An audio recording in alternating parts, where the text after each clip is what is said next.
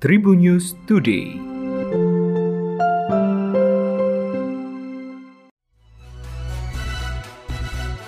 Halo Tribuners, berjumpa lagi di Tribun News Today bersama dengan Hakim, edisi Jumat 7 Mei 2021. Berita nasional Tribuners, pihak kepolisian telah mengamankan satu unit truk pada saat melakukan penyekatan pelarangan mudik lebaran 1442 Hijriah.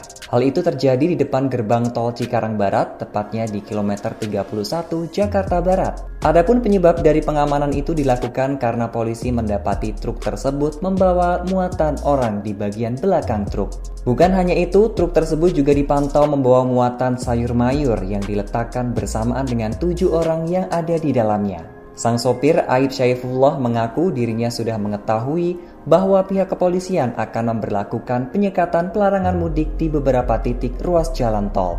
Namun, terkait waktu dari pelaksanaan penyekatan itu sendiri, dia mengaku tidak mengetahuinya secara detail.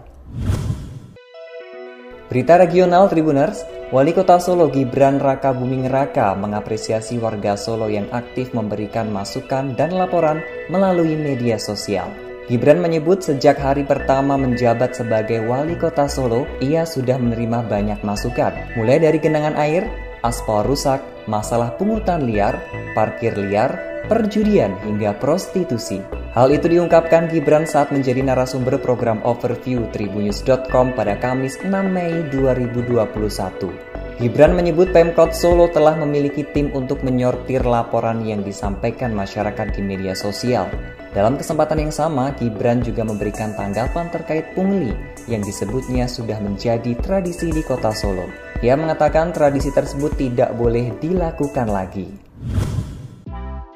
Berita dari selebritis, Kabar duka datang dari aktris Joanna Alexandra. Hal ini lantaran suaminya Raditya Oloan Pangabean meninggal dunia pada Kamis 6 Mei 2021. Sebelum meninggal, Radi diketahui tengah berjuang untuk sembuh pasca dinyatakan positif COVID-19. Lewat unggahan terakhirnya, Radit mengungkapkan terjadi peradangan pada tubuhnya akibat COVID-19.